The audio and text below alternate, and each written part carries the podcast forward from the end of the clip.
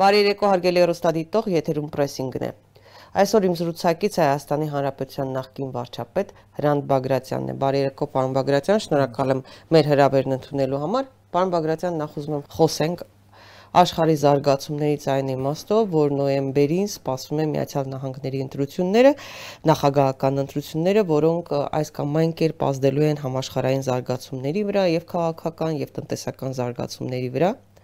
ընտրությունները բավական թեժ են, կարելի ասել աշխարհակաղակական բոլոր կենտրոնները, փորձագետները հետևում են այդ գործընթացներին։ Այդ ընտրություններից հետո աշխարհի վերադասավորման նոր մեկնարկը դες կտրվի, թե ոչ ինչ փոփոխություններ կլինեն։ Գիտեք, իհարկե նայած ով կհաղթի։ Եթե սկզբունքորեն բնութագրենք Տրամպին եւ Բայդենին, Տրամպը ըստ էության դեգլոբալիզացիայի կողմնակիցն է։ Տրամպն ասում է, նա արդեն 17-18 թվականից դադարեցրեց գլոբալ աշխարհը, որ այս գլոբալ աշխարհը, որ մենք մոգոնել էինք, իսկ այն մոգոնվեց 1981-ին։ Այս գլոբալ աշխարհում գտնվեցին երկրներ, որոնք եկան մեզնից անցան։ Մենք պիտի գնանք դեգլոբալիզացիայի, մենք մնանք աշխարհի ամենամեծ տերությունը կառավարենք, բայց մենք պետք է սրանից հետո կառավարենք ռեգիոնները Եվրոպան, ասենք Արևելյան Եվրոպան, Ռուսաստանի գլխավորությամբ Չինաստանը։ Եվ ես Տրամպս ռեգիոնալիզացիայի կողմնակից եմ։ Արաբական աշխարհում մենք պետք է ունենանք լիդեր որպես Սաուդյան Արաբիան։ Ունենանք տարբեր վերաբերմունք։ Օրինակ, եթե Ռուսաստանում թունավորել են Նավալնին, ենթադրենք թունավորել են, ոչ ոք դա չգիտի, սկրիպալների պատմությունը չստացվի, մենք պետք է Ռուսաստանին պատժենք դրա համար։ Բայց եթե ասենք Սաուդյան Արաբիան փրթիկ-փրթիկ է արել այն էլ Ստամբուլում լրագրող Քաշոգիին, ոչինչ չպետք է ասենք նրան։ Մենք այդպեսի սելեկտիվ մոտեցումներ պետք է ունենանք։ Այս մոտեցմանը դեմ է Չինաստանը։ Ասում եմ դու գլոբալիզացիայի կողմնակից չէիք։ Բա դուք լինելով գլոբալիզացիայի կողմնակից, դուք նույնիսկ սանկցիա եք հայտարարում իմ այն գործարանի նկատմամբ, որը ասենք դեղ արտադրում։ Փագում եք TikTok-ը։ Հետո Oracle-ը գնում է TikTok-ը, բոլորդ գոհ եք։ Պարզապես հայտարարում եք չինական ապրանք մեր մոտ է որտեղ վատնա։ Վատնա մի գնեք։ Բա գլոբալ մրցակցություն կա։ Իդեպ ասեմ, որ երկրորդ երամսակից սկսած, քանի որ խայտարակ տնտեսական անկում կա Միացյալ Նահանգներում եւ տնտեսական աս Չինաստանում, Չինաստանը տնտեսության ծավալներով անցավ Միացյալ Նահանգներից։ Սա սարսափ է առաջացնում։ Տրամպի մոտեցումն այս էր, որ վերջ մենք փակվում ենք, մենք թույլ չենք տալի մեր շուկաները մտնեն, բնականաբար դրանի պատասխան մյուսները թույլ չեն տալի, որ ամերիկացիք իրանց շուկան մտնեն, չնայած ամերիկացիք ասում են դա հակաօրինական է, ուրիշների հաշվով։ Գալիս է Բայդենը, Բայդենը համենայն դեպս նման տեսական ելույթներ չի ունենում, բայց նա էլ որպես սպառնալիք նշում է Ռուսաստանը։ Հա, նա էլ որպես սպառնալիք նշում է Ռուսաստանը, որ գլոբալ աշխարհին պետք է վերադառնալ, եւ այդ գլոբալ աշխարհին խանգարում է Ռուսաստանը։ Շատ հետաքրքիր Ռուսաստանի դերը։ Եթե Չինաստանը տնտեսապես անցավ Ամերիկային այդ գլոբալ աշխարհի process-ների ընթացքում, ապա Ռուսաստանը հատկապես 2014-ից հետո չունի տնտեսական հաջողություններ, բայց Ռուսաստանը ունի ռազմական մեծ հաջողություններ։ Բացի նավատորմից, չհաշված Սուզանավերը, բոլոր մյուս ոլորտներում Ռուսաստանը լրջորեն առաջ է Միացյալ Նահանգներից կամ ՆԱՏՕ-ից։ Դա վերաբերում է Su-57 ռմբակոծիչներին, որոնք գերազանցում են F-35-ը որպես 5-րդ սերնդի, ռուսական նոր հրթիռները կալիբր եւ այլն Saturn, որոնք պարզապես բան են անում, եւ հիմա Ռուսաստանը եւ Լիվիայում եւ Սիրիայում փորձարկում են մյուսները, կան զինատեսակներ, որոնք որոնք այնքան էլ հաջող չէին, ասենք Պանցիրը կամ Սոնցեպյոկը, եւ բայց այնուամենայնիվ Ռուսաստանը համոզ համոզիչ դեպոցից է տալիս, որ առաջ անցել դրա համար Ռուսաստանը այլևս հաշվի չի նստում արևմուտքի հետ։ Իդեպ Ռուսաստանը գտնում է, որ իսկ ով ասեց, որ դեմոկրատիան դուք եք։ Այս պայմաններում այս պայմաններում արևմուտքը պահում է իրեն մինչև հիմա չնախատեսված ծևերը։ Օրինակ վակցինան, որ ռուսները ստեղծել են, արևմուտքն ասում է դուք լավ վակցինա չեք ստեղծել, եւ այդ վակցինա ստեղծող կազմակերպության վրա երկու ինստիտուտի վրա ես սանկցիա եմ հայտարարում։ Կամ Ռուսաստանը կառուցում է գազամուխ դեպի Գերմանիա, Ամերիկան սանկցիա է հայտարարում բոլորի վրա։ Դուք կարծնեք, այդ Ռուսաստանը ինքը սանկցիա հայտարարել, այստեղ մի նրբություն կա, խնդիր, որ առաջիկա 2 տարում կլուծվի, այդ բոլորը որպես միջազգային արժույթ վճարման օգտագործում են դոլարը կազմակերպություններ, հասկանում այն նավը, որ կառուցում է, այն բժիշկը, որ աշխատավարձ է ստանում կամ բան։ Հիմա Ռուսաստանն ու Չինաստանը խնդիր են դրել ազատվել դոլարից։ Ավելին, քանի որ վտանգ կա, որ մի օր կարող են SWIFT-ը անջատել, վճարման համակարգը։ Այսօր համաշխարհային երկու խոշոր վճարման համակարգ կա, SWIFT-ը եւ IBAN-ը։ IBAN-ը Եվրոպայում է կիրառվում, հա, նրանք արդեն իրենց վճարման համակարգ են ստեղծում։ Ամերիկան ունի տրադիցիոն ունի 3 բան, որտեղ թիվ 1 է եւ թույլ է տալի աշխարհը տիրապետել Ամերիկային։ Դա վերահսկողություն է նավթի հանքերին։ Դուք հիմա տեսնում եք, որ Սիրիայի, Լիբիայի պայքարը կամած-կամած երկրներին դուրս են բերում ամերիկացիների ազդեցությունից։ Դա ֆինանսական կապիտալն է, արժեթղթերի շուկան, որոնք դոլարով են եւ այստեղ ամերիկան բանը առավելությունը ավելի քան ակնհայտ է եւ ամերիկյան նավատորմը, հատկապես ավիակիրն է։ Ամերիկան ունի 10 ավիակիր, աշխատող ավիակիր Հիմա որովհետեւ Ամերիկային զրկեն վերջնական բանից, խնդրի է դրված ֆինանսական կապիտալից դուրս հանել եւ կոնկրետ Լիբիայում կամ բանում Սիրիայում, ասենք, վերջնաշով դա նավթի պայքար է։ Այդտեղ Ամերիկան առաջի դերում չի։ Ահա այս պայքարն է։ Դրանի պատասխան Միացյալ Նահանգները աշխարհին փաթաթում են եւ արևմուտքը աշխարհին փաթաթում են գունավոր հեղափոխություններ Մինչև գունավոր հեղափոխությունները, որտեղ դրան դրա հետ կապված առանձին հարց եմ առանձնացրել հաշվի առնելով Բելարուսում տեղի ունեցող գործընթացները։ Հիմա նախքին երբ Բևեր աշխարհին փոխարինելու է գալիս բազմաբևեր Բազմաբևեր։ Նայ ռեգիոնները հաշվենք։ Մասնակիցները այլևս ոչ միայն Միացյալ Նահանգներն ու Ռուսաստանն են, այլև արդեն Չինաստանն է, Իրանն է, Հնդկաստանն է, հա։ Հնդկաստանն է։ Այս Ամերիկայում փորձում է այդպեսին դառնալ Բրազիլիան։ Մասնակիցները, այսինքն փոփոխվել են, բազմաբևեր ավելի դարձել։ Հասկանալի է, որ այս մեծ ներկապնակում Հայաստանը մեծ դերակատարում չի կարող ունենալ կամ, չգիտեմ, տեղը։ Բայց այս այսպիսի փոքր պետությունը ինչպիսին Հայաստանն է պետք է համարժեք արձագանքի համաշխարհային այդ քաղաքական փոփոխություններին ինչ եք կարծում Հայաստանը ինչպես պետք է դիրքավորվի հա ասա մենք պիտի ռեգիոն անայինք հարավային Կովկասը հարավային Կովկասի համար պայքարում են երկու պետություն որ իրանցով անեն մեկը Ռուսաստանն է մյուսը Թուրքիան Իրանը չի խառնում գիտեք ռեգիոնալ աշխարհում հստակ արտահայտված, այսպես ասած, ավագ եղբայր կամ papa հասկացությունը կա։ Եվրոպայում դա թերևս Գերմանիան է, Ֆրանսիայի հետ միասին գուցե։ Եվրոպան հասկացնում է, որ ես դեպի արևելք էլ չեմ ուզում գնամ։ Նույնիսկ ես Ուկրաինան զիպեչ։ Հերիք ախպեր 530 միլիոն բնակչություն, 5 միլիոն քառակուսի կիլոմետր տարածք, ռեսուրսներ, ինձ մի քիչ գազը չերիկում, նավթը չերիկում, մենը փորձում է տանա փիվ Ադրբեջանով կամ բանից տանա։ Թուրքիան դարձավ վառելիքի խաչմերուկ։ Թուրքիան ասում է, ես էլ չեմ ուզում Եվրոմիություն։ Ես ուզում եմ գնամ դեպի արևելք, դա վատ է մեզ համար։ Նաև նայում եմ իմ հին Օսմանյան տարածքները, դերևս Հայաստանանը չի տվել, բայց տալիս է Ղարաբաղյանն, տալիս է Բաթումյանը, որը փաստորեն գրավված է, որովհետև ըստ էության Սաակաշվիլի օրը կորցեցին վրացիները։ Այդ համատեքստում չի տալիս անունը, բայց կոշտ հայտարարություններ է Էրդողանը եւ այլ պաշտոնյաներ։ Եվ արաբական աշխարհը քիթը խոթել է Սիրիա, քիթը խոթել է Լիբիա, որոնք եղել են Օսմանյան գաղութներ։ Ժամանակին Լիբիան բանա Աթաթուրքը խլեց իտալացիներից։ Հա, հիմա Իրանը թույլ է Զանչյանը, որովհետև դաժան սանկցիաների տակ է Իրանը, պարզապես դաժան։ Այս ռեգիոնի համար պայքարում են քիչ թե շատ Ռուսաստանը, Թուրքիան։ Բարեբախտաբար Ադրբեջանն ու Թուրքիան Այսինքն մեր ընտրությունը երկուսի միջև է։ Մեր ընտրությունը երկուսի։ Այդպես բան չկա է, որ ասենք, այսեք Հայաստանում կան չէ լրատվամիջոցներ արևմտյան, որոնք իրենք դեպս գունավոր հեղափոխությունը 18 թվականի արեցին Հայաստանի ասենք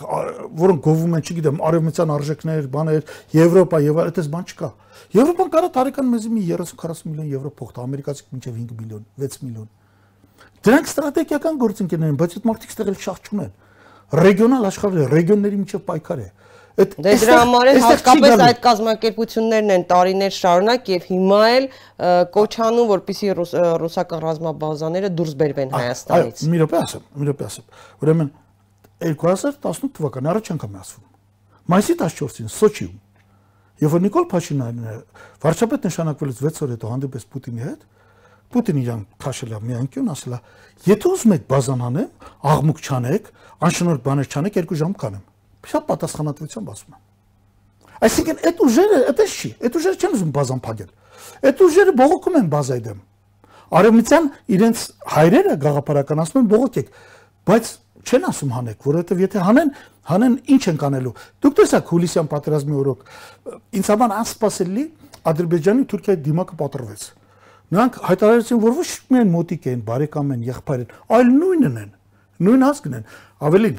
շատ էական հայտարարություն արեց, որը բոլորին զայրացրեց. Թուրքիայի պաշտպանության նախարարը։ Ինքն ասեց ֆրազա, ասեց Ղարաբաղյան պատերազմում մենք կողմ ենք։ Այսինքն մենք երրորդ կողմ չենք, մասնակից կողմ ենք։ Եվ այնուհետև Թուրքիան օկուպացիաց Նախճեվանը։ Նախճեվանը զորավարությունը կազմակերպեց եւ թուրքական զորքը դա Ղարսի եւ բանի Մոսկվայի պայմանագրին հակասում է մտան Նախճեվան։ Նախճանի ինչու է ավտոնոմիա, որ որովհետեւ այնտեղ ի սկզբանե կային հայեր եւ ադրբեջանցիներ, դրա համար ավտոնոմիա էր։ Հասկանում եք, ինչպես եւ Լեռնային Ղարաբաղը Ադրբեջանի կազմում։ Բայց ըստ պայմանագրի չի կարող նրա կարգավիճակը փոխվել առանց Ռուսաստանի համաձայնության։ Բայց հիմա նրանք դիմակը պատրեցին եւ բացայ ըստ էության արդեն հարավային Կովկասում Թուրքիան ունեցավ նվաճում գրավեց Նախճեվանը։ Թուրքիան, Ադրբեջանը չէ։ Այս այս կոնտեքստում ես չեմ հասկանում Հայաստանում այն քաղաքական ուժերին, այն լրատվամիջոցներին։ Մարդը կարող տարբեր հայացքներ ունի որը ասենք երբ որ մարդը գալիս ասում է ես Եվրոպա մետ եմ մենք ենք լիբերալ եղել 25 տարի առաջ ուրիշ պատմություն էր Ռուսաստանն ու Ամերիկան բարեկամներ էին 20 տարի առաջ բարեկամներ էին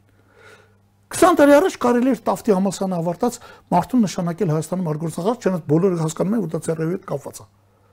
բայց դա չէր խանգարում Ռուսաստանն ու Ամերիկան լավ էին հասկանում եք հիմա դրանք հակառակորդներ են մեզ գնալով դժվար է լինում այսպես ասած կոմպլիմենտար քաղաքականություն իրականացնել դժվար է եւ հարցը ցակում ասենք ինչ պիտի անի Հայաստանը Եվ ինչ է անում, հա, ներկայիս արտաքին քաղաքականությունը որքանով է համարժեք այսօրվա մարտահրավերներին։ Այս Հայաստանը ընտրություն պարզապես չունի, որտեղ Թուրքիան չի կարող լինել մեզ նայող։ Հայաստանի միակ ընտրությունը Ռուսաստանն է։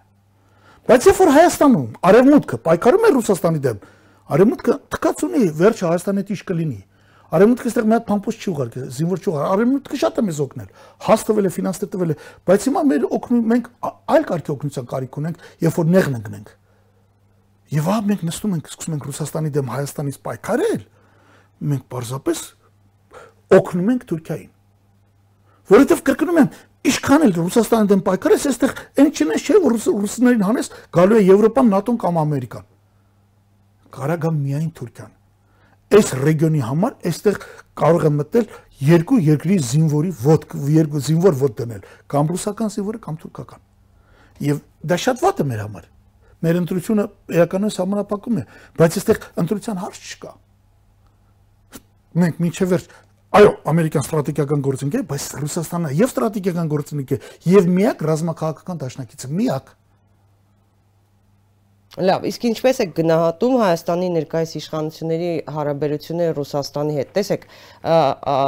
Ռուսաստան մեկնել ցանկացողները թվով 300 մարդ են կազմում, արդեն որքան ժամանակ է, ավելի քան 6 ամիս մարդիկ էստեղ են ու չեն կարողանում տեղափոխվել պարոն Բագրատյան, 1-2 ինքնաթիռի խնդիր է։ Արդյոք չեն կարողանում նույնիսկ այդ մարդիկ են հասկանում, որ ընդամենը 1 զանգով կարելի է այդ հարցը կարգավորել, հա։ Ինչ որ իմաստով այդ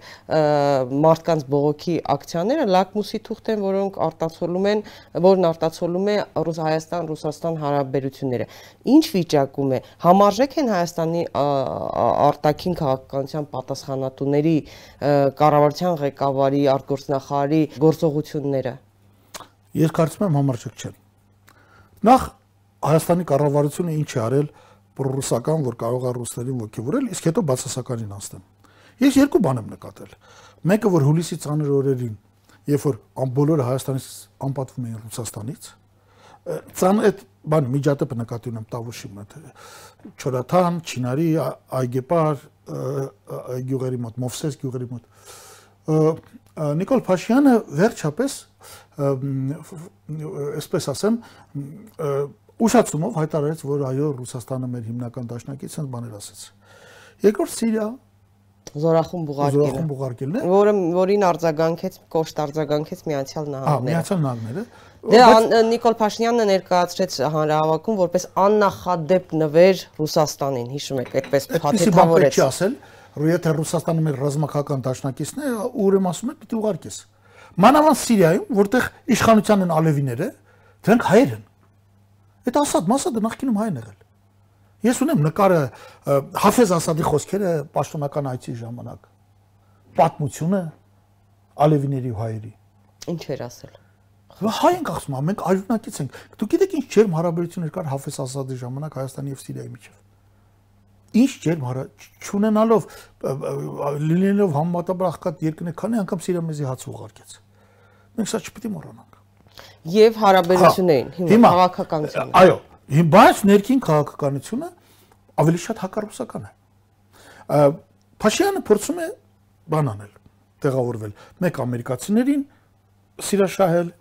մեկ ռուսներին եւ այլն։ Ամերիկացիների համար քիչ բան չի արել։ Ինչի փակեցիք ռուսական ալիքները։ Էլիս գալիքը փակում եք, ազատություն ռադիկալը փակեք։ Այս ռադիկալը Հայաստանի տարածքում հակառուսական ռոպագանդի միջոց է։ Միայն երեք չմիսովը հաղորդում լսեք Բելարուսի մասին։ Ինչով եք ողջևորվել, ասենք Բելարուսում Տուխանովսկան հաղթես մեկ դրանից ինչ ենք շահում։ Մենք շուտով կխոսենք գունավոր հեղափոխությունների մասին, էլի։ Հա, ը, Սրանց նայեք, ելը։ Քամակները բացել են ու սկսում են գովալ, հիանալ Տուխանովսկայով։ Հանկարծ հիշում են, որ տնային տնտեսուհի, որի սկզբանե ասում է ոչ ծրագիր ունեմ, ոչ էլ ոչ մի բան Իհարկե,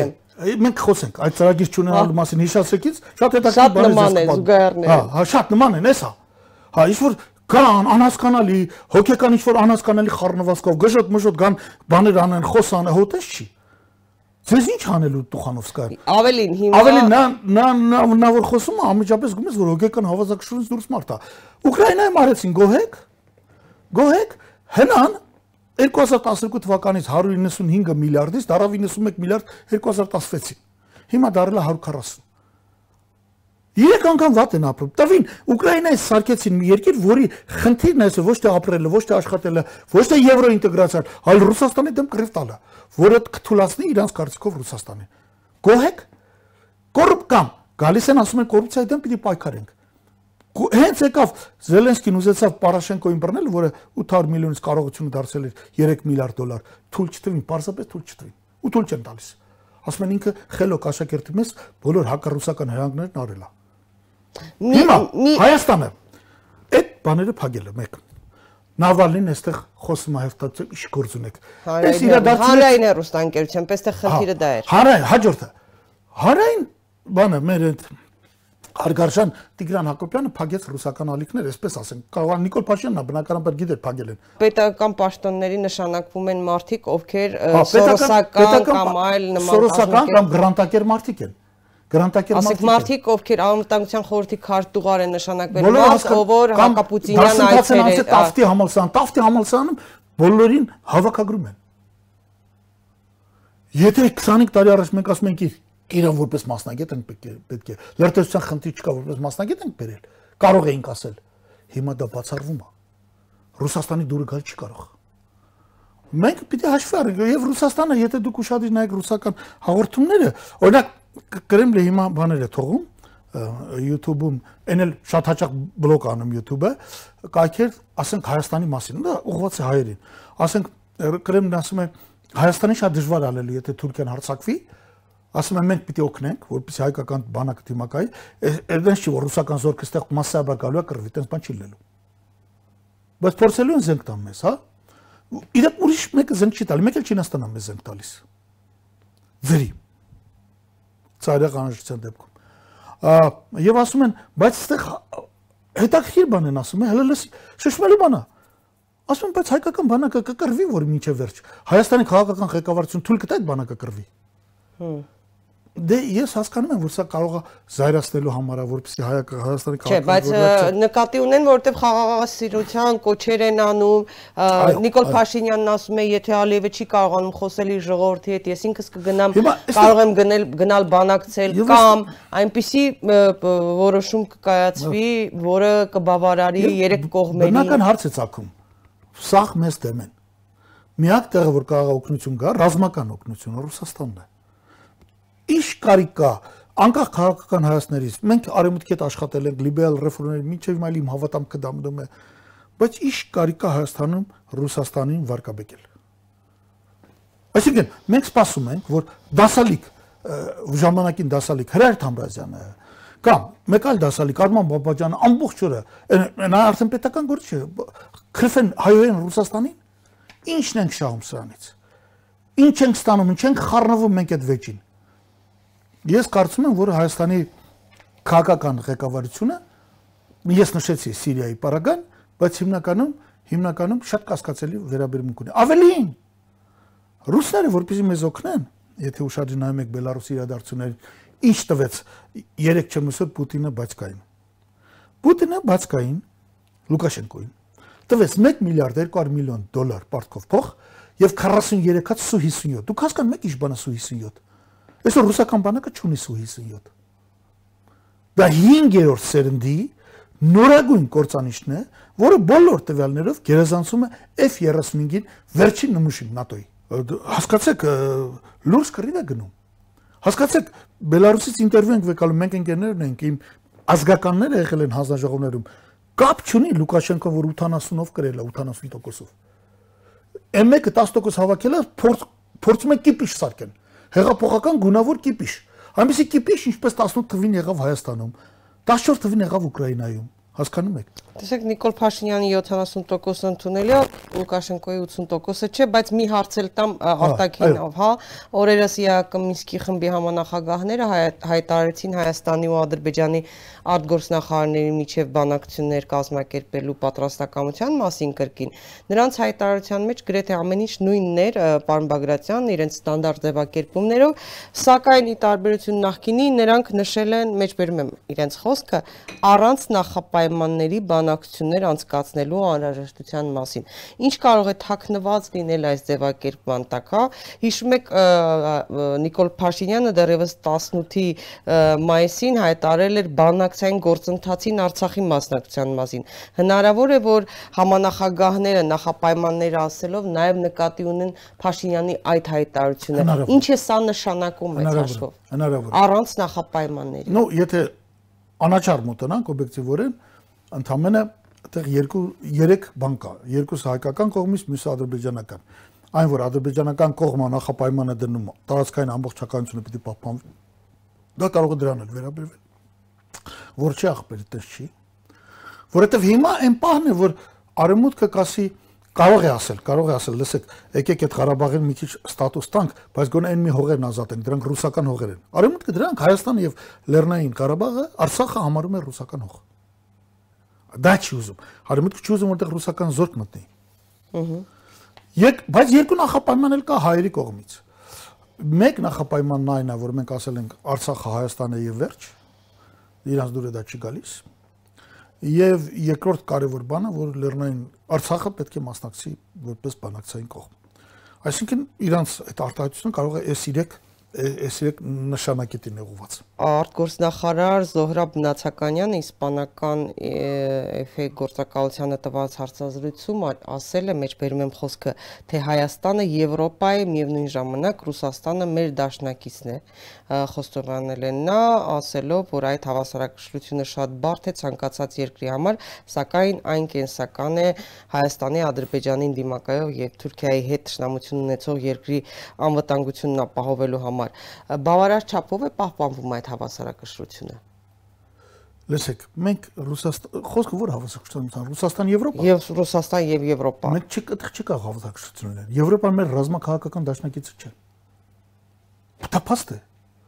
Եթե այդպեսի բան է խոսում արգորտնախարարությունը, պետք է հրաժարվի հապկից եւ ռազմաքաղաքական դաշնակցությունից։ Ո՞ց կարող է։ Սա արդեն օրինակ Ռուսաստանը չի ընդունում սա։ Եվրոպան մեր ստրատեգիական գործընկերն է։ Ռուսաստանը եւ ստրատեգիական գործընկեր է եւ ռազմական դաշնակից։ Այդպես է թե ոչ։ Այդպես է, եւ որն է առաջնահերթը առավել։ Դուք եկեք հապկից։ Ասել էր չէ Պուտին, բազա մազա վեկալեմ հավաքեմ տանեմ։ Ավելին Նիկոլ Փաշինյանը ասում էր, պատես... մինչև հեղափոխությունը ասում էր պետք է դուրս գալ։ Հիշում եք քննադատում եք քննադատում էր նա նախկին իշխանությունների որոշումը Սերժ Սարգսյանին, որ ԵԱՏՄ մտավ եւ այլն եւ ըստ տեղեկությունների Պուտինի առաջին հանդիպման ժամանակ հենց Նիկոլ Փաշինյանին դա է ասել, որ ըստ ներքին խոհանոցային խոսակցությունների, որ դու դուք եք ասում, որ ես մեկ գիշերում դարձրել եմ ԵԱՏՄ անդամ, խնդրեմ կարող եք դուրս գալ եւ Հիմա նայեք, այս ինչ որ ես ասում եմ, հասկանում եմ արգորտ նախարարը։ Բայց ի՞նչ կարիք կա, որպեսզի արգորտ նախարարը իրան չհասկացողի տեղ դնի։ Չէ՞ որ այս արտահայտությունը Կրեմլում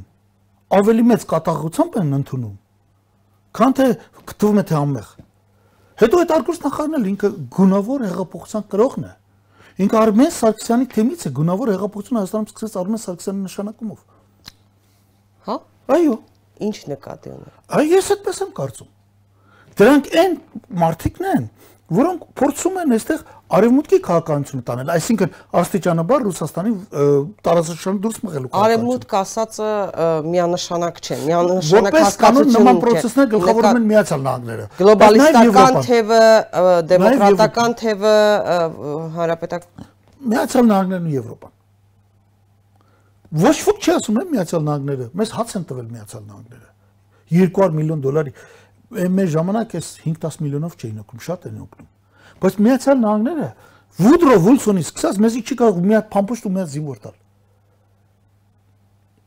Իմ հենց դրանումն է խնդրի էությունը։ Ռուսաստանը տնտեսական գործընկեր լինելուց բացի, դա շատ կարևոր է։ Չնայած մեկ-մեկ Եվրոպայի հետ առևտուրը, իսկ այսօր նաև Չինաստանի հետ առևտուրը գերազանցում է հայ-ռուսական առևտրի ծավալները բայց Ռուսաստանը մնում է առայժմ միակ ռազմական դաշնակիցը։ Եվ այստեղ պետք է པարզնել, մենք էլ ենք հաճախ խոսել, արդյոք բարձրան ճիշտ է, որքանով է ճիշտ, եւ էլ parlamentum երբ որ падգամավոր էինք այդ խոսքը։ Երբ որ ժամկետները երկարաձգվեցին, հա, հանրապետական մենք փորձենք փոկել լավագույն պայմաններ։ Հանրապետականները մեզ ասում են, «Էս լավագույնն է, որ կարողացենք փոկել»։ Երկարաձգեցին ժամկետները։ Եվ հետո արդեն Ռուսաստանը ասում է, «Հայր, Բելարուսներ»։ Այնտեղ ով կա ուրիշ։ Ղրղզներ, Ղազախներ արդեն քիչ է որ պրոստը պայմանագիր ստորագրում։ Մենք խորացնում ենք ինտեգրացիան։ Մենք պետք է հասնենք այնպեսի ինտեգրացիոն ձևերի, որ մեզանից հրաժարվելը հեշտ չլինի ձեզ համար։ Այլապես, եթե մենք հասնում ենք այս ինտեգրացիոն ձևերի, եւ եթե դուք ուզում եք ասեն գազը ստանալ 105 դոլարով 169-ի փոխարեն, Ռուսաստանի ներքին գինը նկատի ունեմ, հա, գազի կներեք դա կարծեմ մանածախ գինն է այս վերջը։ Հələ մի բան էլ ավելի էժան։ Ապա ապա պետք է ունենանք այնպիսի ինտեգրացիոն ձևեր, որ ա պահպանելով ձեր անկախությունը, բ հասնենք իրավիճակի, երբ որ դուք որ, որպեսի ձեր արգոսնախարարները Իսպանիայի թղթակիցներին այսպեսի պատասխաններ չտան։ Էսա։ Ուրիշ ընտրություն կա։ Ունեք ուրիշ ձև, ասեք։ Ես կարծում եմ, որ արևմուտքը Հայաստանում զբաղված է մուտիլովկեքով ռուսների դեմ։ Մենք դա թույլ չպետք տանք։ Ռուսները իրանք այստեղ մուտիլովկա չեն անում ուրիշի դեմ։ Մենք դա թույլ չպետք տանք։ Ես կարծում եմ, որ երկերեսանությունը անհանդուրժելի է։ Ես կարծում եմ, որ ռուսները դեմ չեն, որ մենք ունենանք ստրատեգիական հարաբերություններ Միացյալ Նահանգների Եվրոպայի հետ։ Բայց արդեն ռազմաքաղաքական հարցերում նաև հուլիսը ցույց տվեց, որ մեզի մի քիչ զենք փամփուշտ բերողը էլի էլի Ռուսաստանն է։ Եթե գտել եք ուրիշ լուծումներ, գնացեք գտեք։ Բայց դուք տեսնում եք, որ ՆԱՏՕ-ի անդամ Թուրքիան ինչպես է հարցակվել ՆԱՏՕ-ի անդամ Հունաստանի վրա, որ ՆԱՏՕ-ն փրկություն չէ։ Բայց ես ՆԱՏՕ մոտիկ չեն թողի անգամ Հայաստանին այս պահին։ Այս խնդիրներով։ Բացի այդ ՆԱՏՕ-ում Թուրքիայի դերակատարումը հատկապես այս ռեգիոնում հասկանալի է, չէ՞։ Այս 100 տարի լրանում է, չէ՞, Ղարս Մոսկվայի պայմանագիր։ Հիմա պիտի այնուամենայնիվ ուստեն ռուսներն ու թուրքերը որոշեն ինչ են անում հետագայում։ Ես չեմ ուզում առաջ ընկնելով ասեմ, կարող է պատահի լրի վերանայվում է կոնցեպտը Նախճեվանի կամ եւ այլն։ Ես ուզում եմ ձեզ մի կարևոր բան հիշեցնել 18-20 թվից։ Չեն գրում, ախր չեն գրում, օրինակ գրում են, որ Լենինը Աթաթուրքին զենք տվեց, այդպես է թե չէ։ Ահա։ Բայց այդ այն զենքն էր, որ Լենինը Հայաստանն էր տալիս։ Եվ 20 թվականի հունիսին Լևոն Շանթը Լենինի, Չիչերինի, Տրոցկու եւ Ստալինի հետ դաժան բանակցություններ էր տանում, Ինչու դաժան, որովհետև Հայաստանը Անտանտի կազմում 14-րդ պետություն էր, որ կռվում էր բոլշևիկյան Ռուսաստանի դեմ։ Շահումյանը դեռևս 18 թվականի ամռանը հիշեցնում էր, ասում էր. հայեր, սրանք Եկել են մշտական մնալու են։ Դուք ում եք ում եք օգնում, Վրանգել Դենիկին եք օգնում։ Հա։ Արդեն զենքը տալիս են, խաղաղության պայմանագիրը ստորագրում ենք, բոլշևիկյան Ռուսաստանը ու Հայաստանը հանկարծ լուրը հասնում է, որ Համո Օհանջյանը 18 թվականի մայիսին, 20 թվականի մայիսին ճնշել է մայիսյան ճնշել է ապստամբությունը բոլշևիկների։ Եվ ըստ տվյալների, իհարկե չափազանցված տվյալներին հաղորդը գազանություններ արել բոլշևիկների դեմ։ Լենինը հենց շանտին ասում է, «Իս ի՞նչ է»։ Գրած բացադրես, «Իս ի՞նչ է»։ Եվ այս զենքը տրվեց Ֆրունզեին եւ Ֆրունզեն տվեց Աթաթուրքին։ Որ եթե դուք այսպես խաղեր եք տալիս, մենք ռեգիոնում կգտնենք մի բարեկամ երկիր, հիմնարաբար իհարկե կարծում են, որ Աթաթուրքը իրենց բարեկամ է, Աթաթուրքին Քազիմ Կարաբեկիրը, որոնք դիտե փաց էին տալի Հայաստանին։ Հասկանում եք։ Եվ եւ մենք գիտեք ինչքան կորցրեցինք։ Ինչ էր բոլշևիկների մոտեցումը։ Այդ Սևրով 169000 քառակուսի կիլոմետր, որ բանը մեծ խոստումները որ ցես տալիս են հայր, մի քիչ զգուշ եղեք էլի։ Մի քիչ զգուշ եղեք։ Բայց մեծ Հայաստան մենք պատրաստ ենք պահպանելու։ Ну, Սևրով չէ, ասենք եղել է Մուդրոսի հաշտության պայմանագիրը եւ մենք շատ մեծ ակնկալիքներ ունեինք դրանից երկու ամիս հետո։ Չնայած բանակցությունները շարունակվեցին մինչև սեպտեմբեր, ի վերջո Լևոն Շանթը սեպտեմբերի սկզբին ձեռնունայն վերադարձավ եւ որ արդեն Սևրով բանով հայտնել մեզի ինչ է տան։ Եվ այդ Սևրի հաշտության պայմանագիրը մեզ համար ստեյցիա մուտիլովկի պես բան եղավ ինչ 169000 քառակուսի կիլոմետր, եթե մենք բանենք փոքրամասնություն ենք, այդտեղ 2-3 միլիոն մուսուլման կար, մենք 700.000 ենք։ Վախենում եք որ պատմությունը կկրկնվի։ Ինչ։ Կարող եք Այո, Ես ասում եմ, պատմությունը չկրկնվի։ Ես պիտի հորդորեի Հայաստանի իշխանությունը եւ հատկապես արտգործ նախարարին նման ինտերվյուներ չտար։ Փագեք բերանները նստեք, սուս սուփուս։ Եվ վերջո կարող աստանաք ավելի մեծ պետություն, քան թե ունեիք։ Եվ վերջո կարող եք լուծել ավելի շատ հարց, քան թե Արցախը կա։ Գոնե Արցախը մեզ մնա։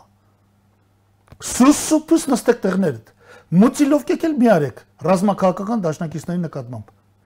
Տեղները դիմացեք խոսեցիք հեղափոխության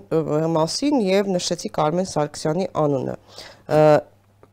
Ինչ կապ ուներ Արմեն Սարգսյանը այս ամենի հետ եւ առհասարակ հիմա այսպես որ նայում ենք, հա, երկուսուկես տարի անցել է։ Այս հեղափոխության, Թավշյա հեղափոխության շահառունով է։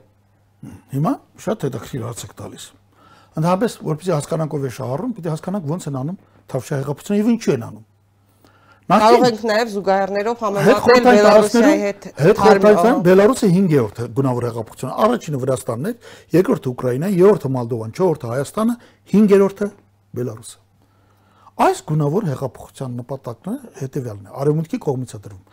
Գալ իշխանության եւ անել հետևյալը. Ա. տանել հակառուսական հակաչինական քաղաքականություն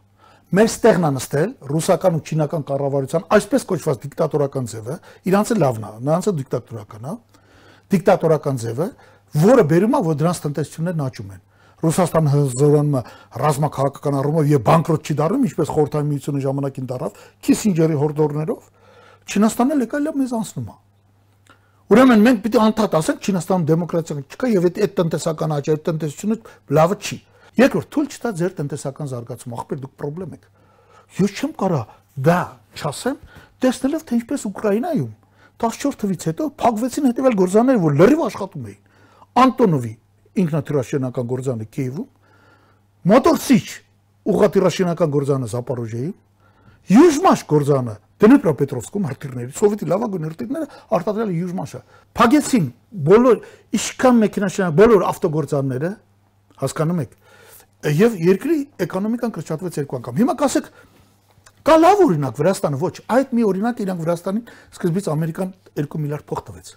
Բայց Վրաստանը մտել է ոստիկանական համակարգի եւ այլ բարեփոխումների համար։ Այդ վերջինն նրանք փող տվող չեն։ Նրանք մտածում են փողը փոխարեն, վարկի նույնիսկ վարկի փոխարեն, չնայած վարկին չէ, իրանք փողը տպում տալիս են էլի։ Դոլարով ենք վերցում, չէ՞ վարկը։ Նույնիսկ վարկի փոխարեն նրանք ուրեմն բերում են այստեղ ծախսում են, օրինակ Հայաստանում ծախսում էին տարեկան 10-ից 15 միլիոն դոլար, ստեղծվել էր 160 ՀԿ, որից 66 ակտիվ աշխատող, 11000 մարդ ակտիվ փող էր ստանում տվեց։ Կարող եք հիշել բոլորին, Արման Բաբաջանյանն չգիտեմ, այնտեղ Դանիել Յանիսյանն Գյումրիից Լևոն Բարսեղյանը, Արսեն Խարատյանը, շատ ուշադրություն է դարձում լրատվամիջոցներին որովհետեւ գերազանցություն ունենա։ Ճշտենք արևմտյան մի թևի որովհետև Այո, դու ես ընդհանուր եմ ասում։ տարանջատ ենք, որտեղ այնպես չի որ նույնն են, ճիշտ է, եւ դեմոկրատների Բան չեմ ասել, բան չեմ եմ- ասելու։ Հատկապես դեմոկրատների ժամանակ շատ շատ։ Այ դա եմ ասում, այսինքն տարանջատ են։ Հա,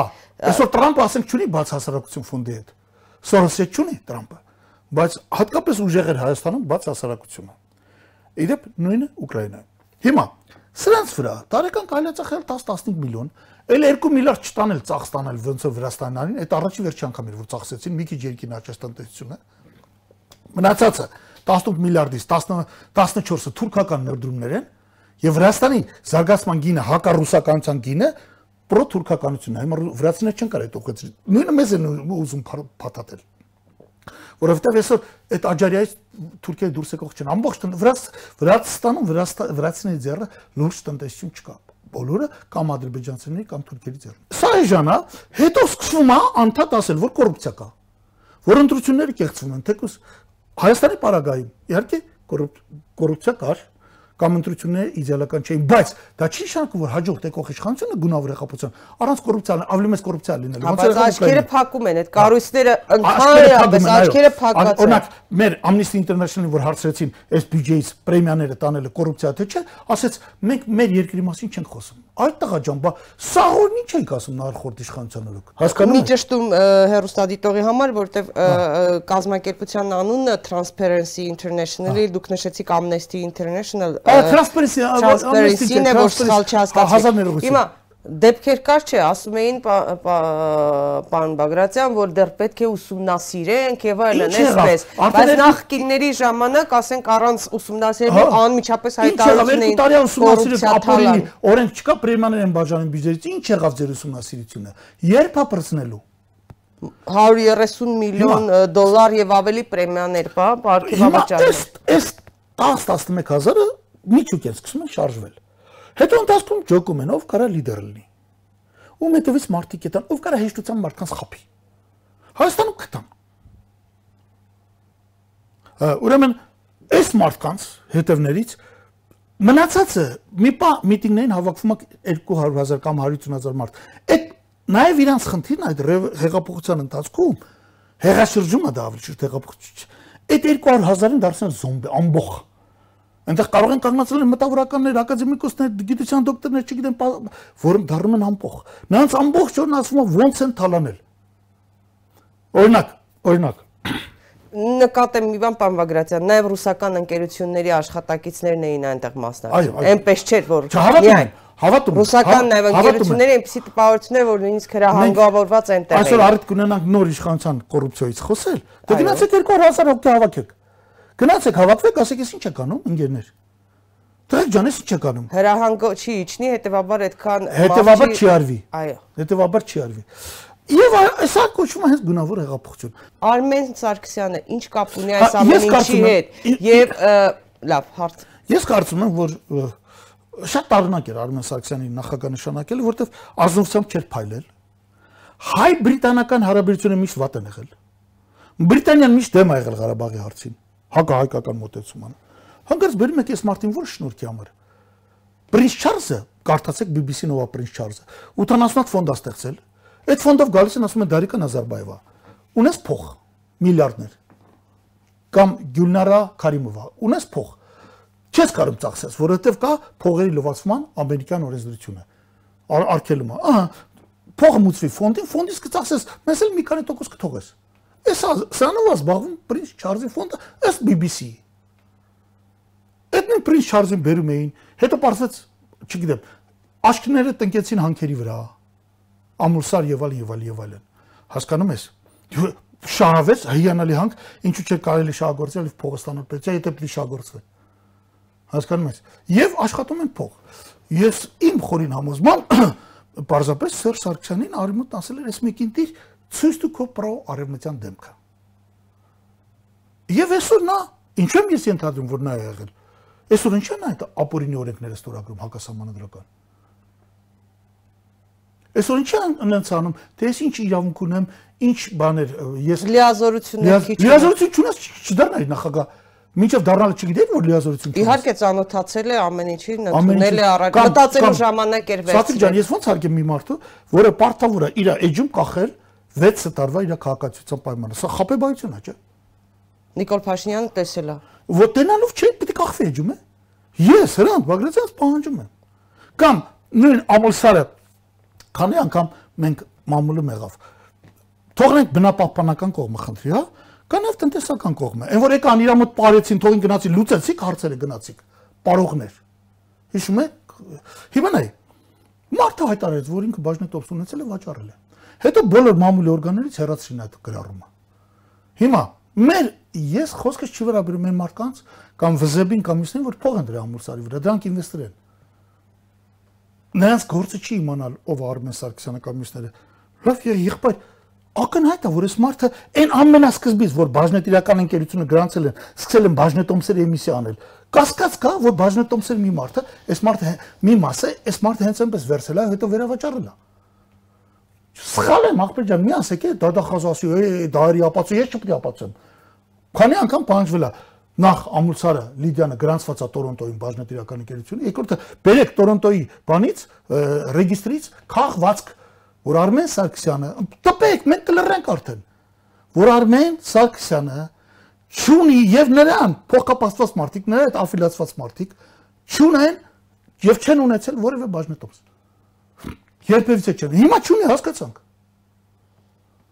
Հասկանում եք, այստեղից սկսում եք ենթադրել, այ մարդ, այստեղ լրիվ ուրիշ հարաբերություններ են։ Այստեղ քաղաքական հարցեր են։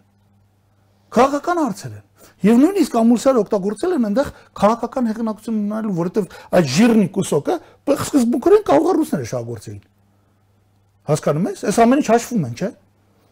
Սկզբունքորեն կարող է չինացիք շահագործեն եւ ավելի շատ։ Պարմագրատյան պատահական է համարում, թե Հիմա ներողություն ավարտեմ։ Ես իրավունք ունեմ պնդելու,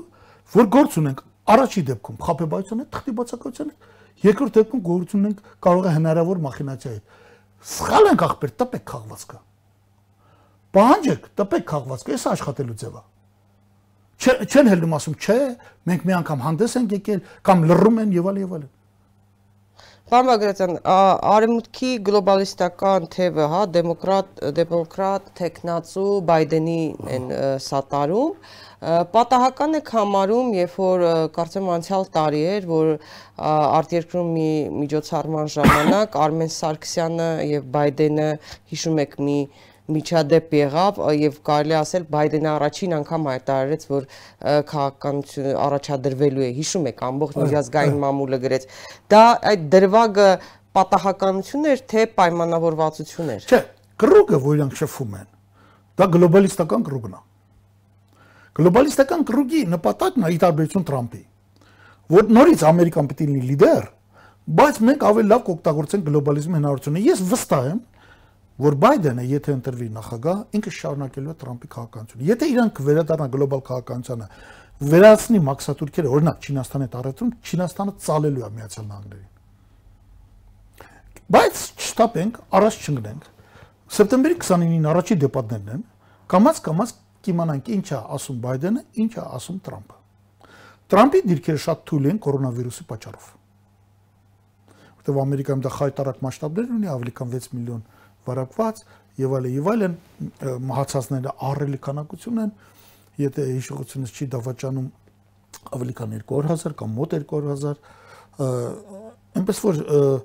բայց Բայդենը հիմա խոսելու է գլոբալիզմից քննադատելու է բայց իրական կյանքում այնուամենայնիվ իրանց հաջողը Չինաստանի տնտեսական զարգացումը դանդաղեցել ճիշտ է իրանց ընդհանրապես վատացավ Բայդենը խոսել է գլոբալ աշխարհից։ Իդեպ տեղյակ չէ որ Հայաստանում էլ կառավարության որոշ անդամներ ներքին կարգով խոչընդոտում են չինական կազմակերպությունների մասնակցության այս կամ այն տենդերին։ Օրինակ 168 գրել էր քաղաքապետարանի ավտոբուսների տենդերի մասին Զեբի դրամաշնորով եւ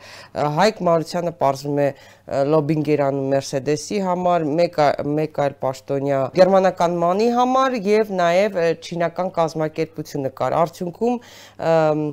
տենդերը չեղյալ հայտարարվեց ըստ մեր տեղեկությունների Ավինյանը թույլ չէր տալիս չնայած չինական կազմակերպությունը շահել էր բայց թույլ չեն տալիս որպեսզի չինական ընկերությունները շահեն վեր նշված անձը որին դուք ասացիք Ավինյանը նա ունի հանձնարարություն ինչ չինական կա ջարդի փշրի Ես ասացի, այդ գլոբալիստների, այդ գունավոր հեղափոխության սրերից մեկը ուղղված է բզերից մեկը ուղղված է Չինաստանի դեմ։ Ռուսաստան, Չինաստան։ Ինչ վերաբերում այդ տենդերին 168-ը գրել էր, այո, ես կարդացի դա, դա շատ ճիշտ է, դա այդպես է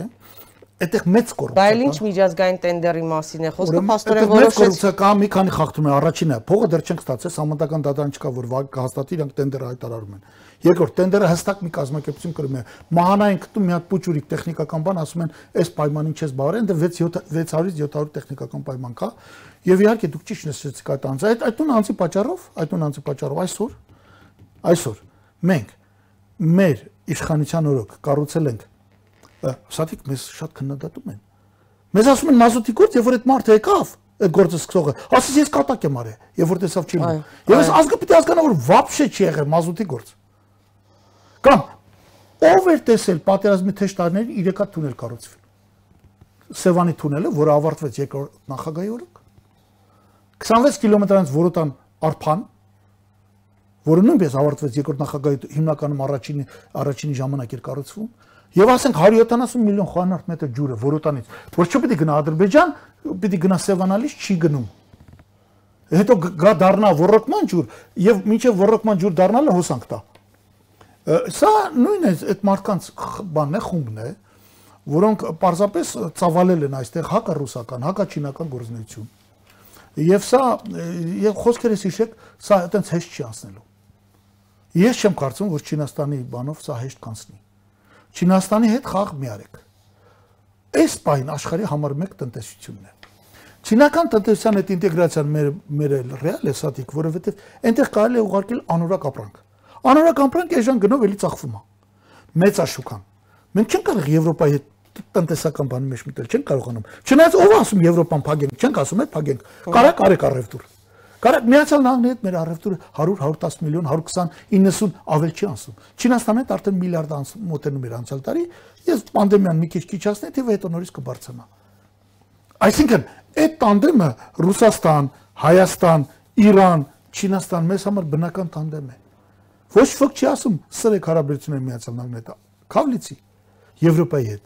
Բայց ինչ ենք մենք մեր հնարավոր պարտներների մեջ Պարտներների մի մասի դրտմամբ, գործընկերների մյուս մասի նկատմամբ նման բան ворթեգրում։ Իդեպ ասեմ, Չինաստանը նաև սա հայ ժողովուրդը պետք է իմանա, մենք միացանք նաև մի հիմար բան արեցինք, միացանք կրոնական կազմակերպության, ստեղծել էին ամերիկացիները, որին նպատակն է ամբողջ օրը ուйգուրների հարց են քննարկում։ Էս էլա ձև։ Բա ո՞նց կլինի Չինաստանը մենք չենք կարող Չինաստանի հետ աշխատել նորմալ, քանի որ այնտեղ ուйգուրները ազատ չեն։ Ուйգուրները թուրքեր են որոնց պաշտպանում է Էրդողանը։ Ոչ ոք չի ասում ուйգուրներին պիտի ճնշենք։ Եվ չեմ էլ կարծում, որ նման ճնշում կա, բայց նորից փորձում են լարել այս միտումը չինացիների դեմ։ Այնպես որ ես կարծում եմ, որ սա շատ լուրջ է, սա շատ լուրջ է։ Կարճ մի հարց տամ ամուլսարի հետ կապված, հա, եւ անցնենք, այսպես ասած, երկրորդ ռաունդին մեր թեման տնտեսություն, սոցիալական, քաղաքական, տնտեսական, սոցիալական քաղաքականություն։ Ինչու ամուլսարի խնդիրը չեն լուծում այս իշխանությունները մի մի 2-3 տասնյակ բնապահպաններից են վախենում, դա թուլության նշան է իշխանությունների։ Կամ ասեն, փակվելու է, կամ ասեն, բացվելու է։ Ի վերջո բյուջեից հսկայական գումար էլի ծախսեցին, կարող են որոշում կայացնել։ Ունակ չեն որոշում կայացնելու, վախենում են ինչ որ հա որ կարող են բողոքի ակցիաներ լինեն, վախենում են աշխարհակահաղական ինչ որ կենտրոններից, ինչ է, ինչ ինչու չեն լուծում։ Ցածիկ թող ինձ ներեն ինվեստորները, այնտեղ կա շատ չեսնի 90% ավալին չեսնի ինվեստորներ։ Մենք հայտարարել ենք բաժնետոմսեր եմիսիային կարը եկի առել Եվ հսկայական գումարներ են ներդրվել։ Եվ թույլ տվեք ես չանդրադառնամ հանգը շահգործի բնապահպանական հետևանքներ, որտեղ շատ մասնագիտական հարց է եւ ես հարգում եմ բնապահպանների պայքարը ընդամենը դա։ Բայց ինձ թվում է որ ամուլսարում փող կիսվելու խնդիր կա։ Որովհետեւ ես չեմ կարողանում հասկանալ իրանց հարցեր ունեն լուծել։ Ովքեր թող Ես կարծում եմ, որ իշխանությունները հարցեր ունեն լուծելու նախքին կամ ներկա տերերի մի մասի հետ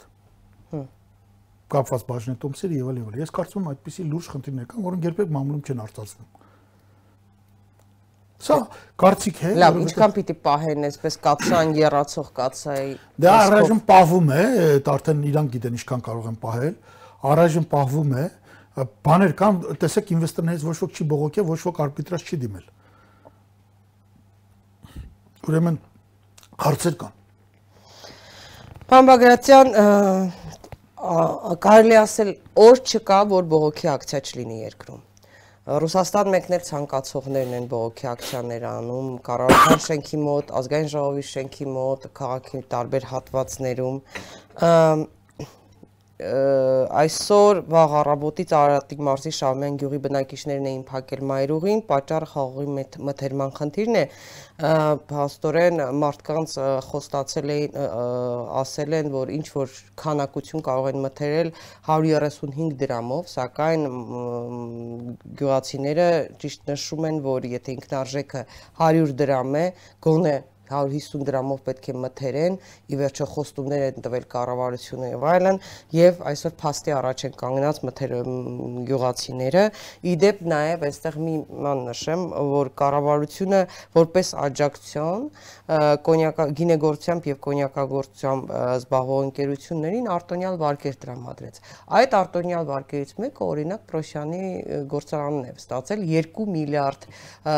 վարկ խաղողի մթերման համար երկու տարով։ Հիմա կառավարությունը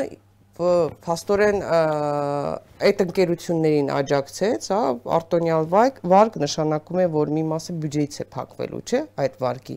Հիմա ստացվում է, որ անարդյունավետ էր դարձյալ ու գյուղացին կանգնեց խնդրի առաջ։ Ինչ որոշում պետք է կայացվի։ Ամեն օր այս ակցիաներն են, բողոքի ցույցերն են։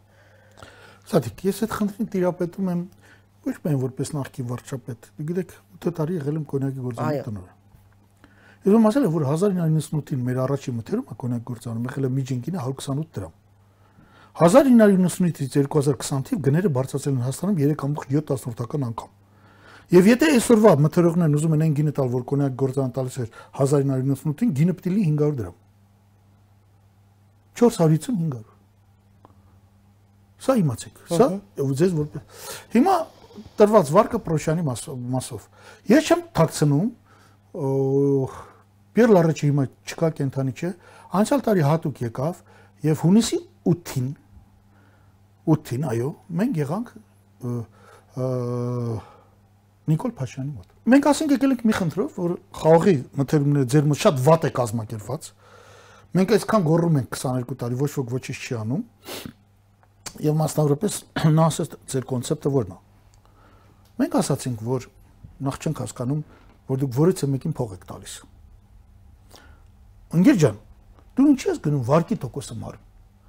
Դու ասում ես գյուղացի, վարկ վեկալ խաղողդ մշակի։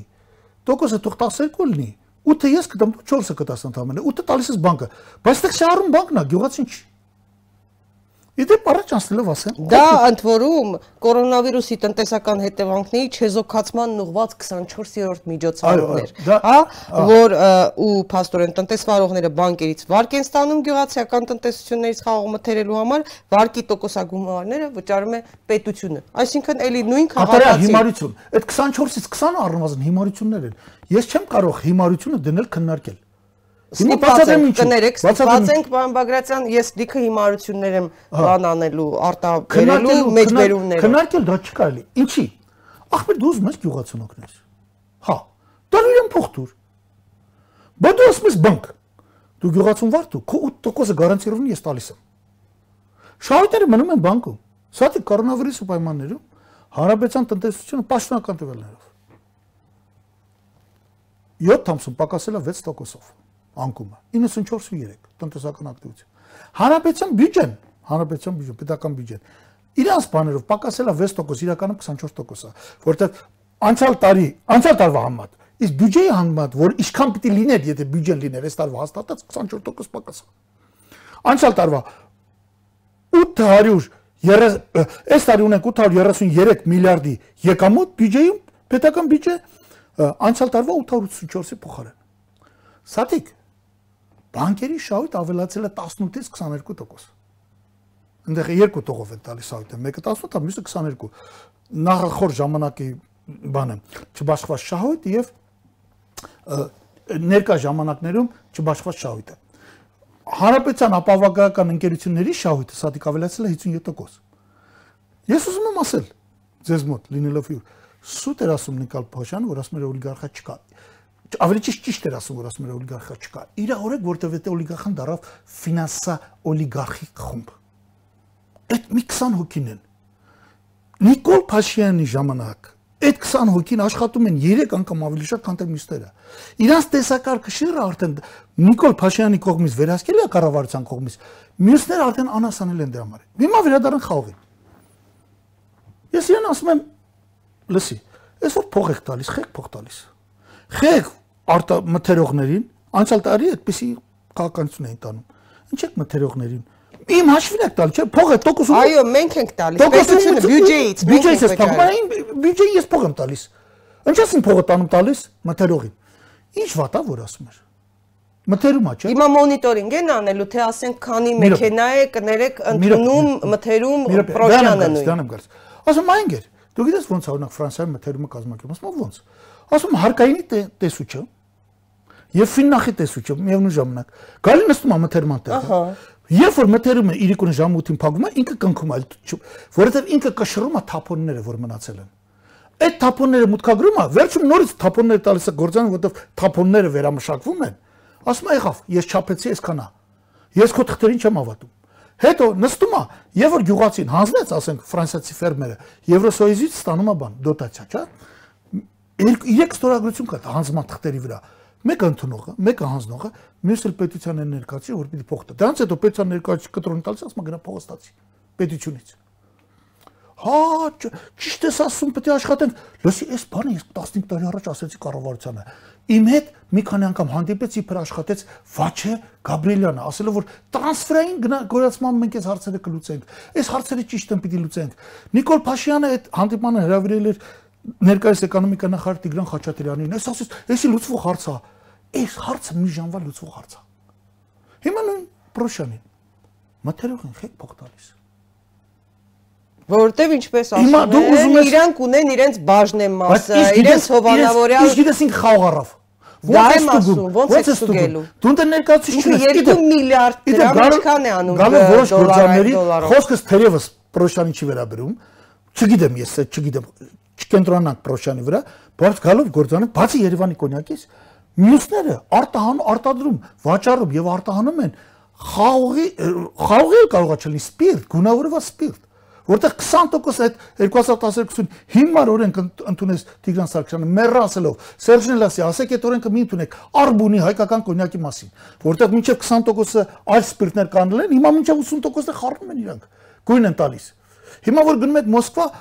էլի շնորհիվ Երևանի կոնյակի գործանի, Պերնո Ռիկարի, էլի մի քիչ այդ խանութները պահպանում են այդ դիրքերը, բայց վրացական կոնյակները ավելի առաջ են անցել հայկականից։ Այդ այն դեպքում, երբ որ վրացական իմպորտի նկատմամբ գոյություն ունի, գոյություն ունեն սահմանափակումներ։ Այսինքն այս լուծումը վաղուց հայտնի էր։ Եվ Արիսյանից հետո հավատա Նիկոլ Փաշյանին, որ կոռուպցիա չկա, հավատա այդ 2 միլիարդը, որ տվել են, հատկած չկա։ Դա եմ ասում։ Հա, Որովհետև ով են նստել հաշվելու, քանի մեքենա են մտել։ Ինչ ես տվել ես մարդուն, որ խաղ առնի, գյուղացուն տուր։ Գյուղացուն տուր, ասա ոչինչ, այդ էժանը, էժան։ Գյուղացին էլ ճիշտ հաց է բարձրացնում, ասում եմ մի շիշ ջուրը վաճառվում է 100-150 դրամ։ Այսինքն խաղողը ուզում եք նույնիսկ 150 դրամով։ Ֆիլմի գյուղացի արարածան դաշտում որ չասի 1998 թվականին Պերնորիկարը սկսեց 128 դրամով։ Ճիշտ է, տարի ա եղել, որ 95 դրամ ենք տվել, բայց դրանից հետո 2003, 2004, 2005 թվին 130-140 դրամ էր։ Անցել է 2015-ից 20 տարի։ Այսօրվա չի, քանի անգամ է գին բարձրացել։ Օրինակ, օրինակ, այսօր դուք պոմիդորը, լավ պոմիդորը գնում եք 300-400 դրամով, չէ՞։ Այն ժամանակ 50 դրամ էր։ Այսօր լավ կարտոֆիլը գնում եք 400-500 դրամով, չէ՞։ Այն ժամանակ 100 դրամ էր։ Այսօր դուք դեղցը գնում եք լավ նորմալ դեղց 500 դրամից պակաս գնում եք 450 500 600 դրամից պակաս գնում եք այն ժամանակ սեզոնին 100 դրամ էր 120 դրամ էր դուք պատկերացեք այն մթերքները ինչքան են թանկացել խաղողը մնացել է նույնն իդեպ խաղողը եւ այն ժամանակ եւ հիմա նույն գինն է Անցյալ տարի 150-ով էին մթերել, իհարկե, բայց այս տարի 135 եւ տեսնենք ինչպես լուծում լուծում կտան։ Պարոն Բագրատյան, ինչպես հայտնի է, նաեւ մաքսազերծման նոր կարգ է սահմանվել եւ քաղաքացիները նաեւ առևտրականները օրեր շարունակ այդ կապակցությամբ են բողոքի ակցիաներ անում, որը կարող է ճակատագրական որոշում լինել առևտրի ողջ սպասարկման ոլորտի համար խոսքը վերաբերվում է Թուրքիայից, Չինաստանից եւ այլ երկրներից ներկրվող ներմուծվող ապրանքների մաքսավճարների մաքսավճարներին, եթե նախկինում կիլոգրամով էին կշռում անկախ նրանից ապրանքի արժեքից, հիմա հատով եւ բարձր արժեքով 6 անգամ եւ 6 անգամ եւ ավելի անգամ մոտ 7 անգամ բարձրանում է մաքսավճարները բացի այդ նաև լրացիչ աշխատանք է պահանջում, երկարանում է, երկարացվում է ամբողջ այդ մաքսազերծման process-ը մարդկանց համար դժվարություններ է առաջացնում հավելյալ։ Հիմա ինչն է պատճառը արդյոք արդյոք կորոնավիրուսի այս ճգնաժամի պայմաններում չնայած մեկ Նիկոլ Փաշինյանը ասում էր տնտեսական ճգնաժամ չկա հետո գրառման մեջ ակնարկում է որ ճգնաժամ կա այնուամենայնիվ բայց նման որոշումներ կայացնելը, այդ թվում գույքահարկի բարձրացումը, մաքսա մաքսազերծման վճարների թանկացումը նորմալ է համարում։ Ինչու են անում։ Ճարահատյալ են։ Ինչ վերաբերում հակոսներին կիլոյովը դարձել հատով, սա դե ես պատրաստ եմ այդ հարցին պատասխանել, որովհետև եթե չեմ սխալվում, կարծեմ հնարավոր է որ ԵԱՏՄ պայմանագրով 14 թվականի մայիսի պայմանագրով մենք պարտավոր ենք դանել Ինչ վերաբերում կարելի է բանակցել, ի վերջո։ Կարելի է բանակցել։ Հիմա այնտեղ հիմա մենք երկրացի չունենք, Նիկոլի ամերիկացին է կամ համագյուղացին Արտակ Քարամյանը կարող է հարց բարձրացնել։ Այն որ ուզում էր բանաներ, հողի ռեֆորմեր ուզում։ Հողի ռեֆորմեր ուզում անել ու գյուղնախարարը պատրաստվում նշանակվեր, հա, գնաց Մոսկվա նրա խաթեր համարել փակվեց ոնց որ բանը գյուղնախարարությունը ասում են փակել են նրա խաթեր որպեսզի իր համերկրացին նախարար դառնա բայց քանի որ երկու տարվա քաղաքացիության բան չուներ չէր կարող փակեցին էկոնոմիկային միացրեցին գյուղը վարչություն դարձրեցին հարմար տեղ են գտել աշխատում են պետք է հաղորդագրություն տան մերոնք այդ հարցը բարձրացրել են թե չէ գույքարկը գույքարկը դա արժույթի միջազգային հիմնադրամն է խառը դա կատարյալ հիմարություն է։ Մի անգամից ըստ թղթերի 5 անգամ, իսկ վաբշետը կարող է պատահել մինչև 8 անգամ բարձրացնել գույք հարկը։ 4 տարվա մեջ։ Դա կատարյալ հիմարություն է։ Եվ ամենամեծ հիմարությունը գույքարկը ոչ թե հայկը հարկը բարձր է, այլ հետևյալ, որպեսի ճիշտ գույքի արժեքը որոշես, այսպեսի բան կա։ Առաջ ասում է կադաստրի արժեքով ենք տալիս, հիմա շուկայական արժեքով։ Կարծես թե դրանց մեջ տարբերություն կա, կադաստրի արժեքը հաշվարկվող, ածանցվող մեծությունը շուկայական արժեքից։ Այդտեղ կա մի հատ կետ, որը բացա, որի բացակայությունը абսուրդ է դարձնում օրենք։ Ախպեր, եկել ես հաշվել ես իմ բնակարանը այսքան այսքան հարկտամ։ Այդ էսենս էս գնահատել իմ բնակարանը։ Այդ գնահատածը փողով իմ բնակարանը առ։ Պետությունը պարտավոր է առնել։ Այլապես դու այդ ի՞նչ կինես դնում։ Մենք ես հիմա չգիտեմ Գիտեք որ բազմաթիվ մարդիկ հիմա գույք են վաճառում եւ պանդեմիան եթե ավարտվի այս կարանտինը եւ քաշները վերականգնեն չի բացառվում շատ մարդիկ ուղակի թողնեն հեռանալ։ Հատի կենտրոնում, որտեղ մտավորականությունն է ապրում եւ այլ, հատկապես կենտրոնը։ Բիզնես ընկերություններն են, ասենք բիզնես տարածքները վաճառում են, բայց ամենաշատ ակտիվ առնում են քաղաքացիական պայմանագրի եւ իմ քայլականների մի զգալի հատվածը։ Բնականաբար, նրանց գույքը ունեցվածքները ավելացել են։ Երևանում ծայրամասերում են ապրում։ Պետական բարձրաշանց չինովնիկները, տեսեք, օրինակ ընդ որում կանայք են սկսել շատ գույք ձեռք բերել, կանանց անունով են գրում, հա, փոխկապակցված այլ անձանց անուններով։ է հետաքրքիր, է հետաքրքիր։ Շնորհիվ այդ այլանդակ քաղաքացիան իբր ապարքեվատրում է կոչվում, որը մի քան անգամ ավելի շատ է, քան թե աշխատավարձը։ Ապարքեվատրումը նույնպես աշխատավարձ է։ Օրինակ, եթե մինչև այս Նիկոլ Փաշինյանի իշխանության գալը մինիստրը ստանում էր 7-ից 8 անգամ ավել, քան թե ուսուցիչն էր ստանում, հիմա ստանում է 40 անգամ ավել, քան թե ուսուցիչը։ Նա։ Ես փողը պիտի ելք ունենա։ Ես նորից եմ կրկնում։ Ուզում եք 10 անգամ բարձրացնել գույքարկը, բայց ծեր նշանակած գնով պետություն, օրինակ ինչպես Չեխիայում է, պարտավոր է առնել իմ գույքը։ Բնականաբար ես գտնում են որ գույքարկը պետք է բարձրանալ, բայց մենք Այն Golden Palace հյուրանոցը ծաղկաձորի վերցրեցին, չեն կարողանում բան անել։ հա, Սկսեցին կորոնավիրուսով վարակվածների կարանտինային Երբ գալիս են հաշվում են, հաշվում են քո բանը, ասենք, գին գցեցին, բան երևի հիմա պետք է հասկանալ։ 300000 դոլար ասում ես, տղա ջան 300000 դոլար տուր, ես տալիս եմ քեզ։ Դու էլ գույքարկդ կտաս։ Էսենցա ձևը Բայց ինչու այդպես անել։ Գինեն ան կգցեն, պարոն Բագրատյան, որ իրենք կգնեն։ Նույն ծաղկաձորի հյուրանոցը։ Երբ որ գինը գցեն, գույքարկը կիշնի։ Այդ դեպքում ես կասեմ չեմ ծախում։ Հասկանում եք։ Այսպեսի բան կա։ Փայտը Սովորական փայտը Դե խլել են նրա ձեռքից, հիմա արդեն իրենք են տնօրինում։ Սովորական փայտը երկու ծայր ունի։ Իրանք ուզում են միշտ մի ծայրել լինի։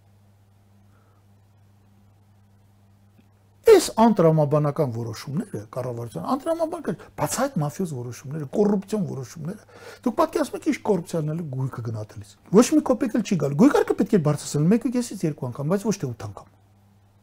Էնել, էնել պետք է բարձրացնել ոչ թե հա- հատկապես կենտրոնի վրա են հարցակվել մի քանի վերջին բնակարաններ կան ուզում են խլեն խլխլեն անցալ առանց էլ նախինում էլ էր այս միտումը գնում կենտրոնից բնակարանները խլել քաղաքականության միջոցով բայց դա կամավոր էր ինչ որ գույքարկով չէին ստիպում նախինում հասկանում ես հիմա եկել են այսպեսի այլանդակ բան են ուզում անեն ես այնքան եմ վստահ որ այդ գույքարկը որ այս տարի հələ մուծվելու է 5 բանով այնքան եմ վստահ որ փոխելու են չնայած համարյա թե վստահ եմ սատիկ որ այս իշխանությունը չի լինելու չի դիմանալու Եվ այս իշխանության փոփոխության հիմնական բաներից մեկը լինելու է գույքարկը։ Ես շատ արագ եմ սպասում այս փոփոխությանը։ Այսպես կառավարել երկիրը սա անընդունելի է անընդունելի հերացեք ինչի հաշվին է դիմանում երկիրը տեսեք Ջանջուղազյանը մերթ ընդմերթ արդեն ակնարկում է պաուստային ֆոնդի խնդիրների մասին որ ոնց որ թե գումարի խնդիր կա Վարկերը վերցրել են բավական թանկ վարկեր, այդ թվում արժույթի միջազգային հիմնադրամից, հա, հիմա վզեբն է, կարծես թե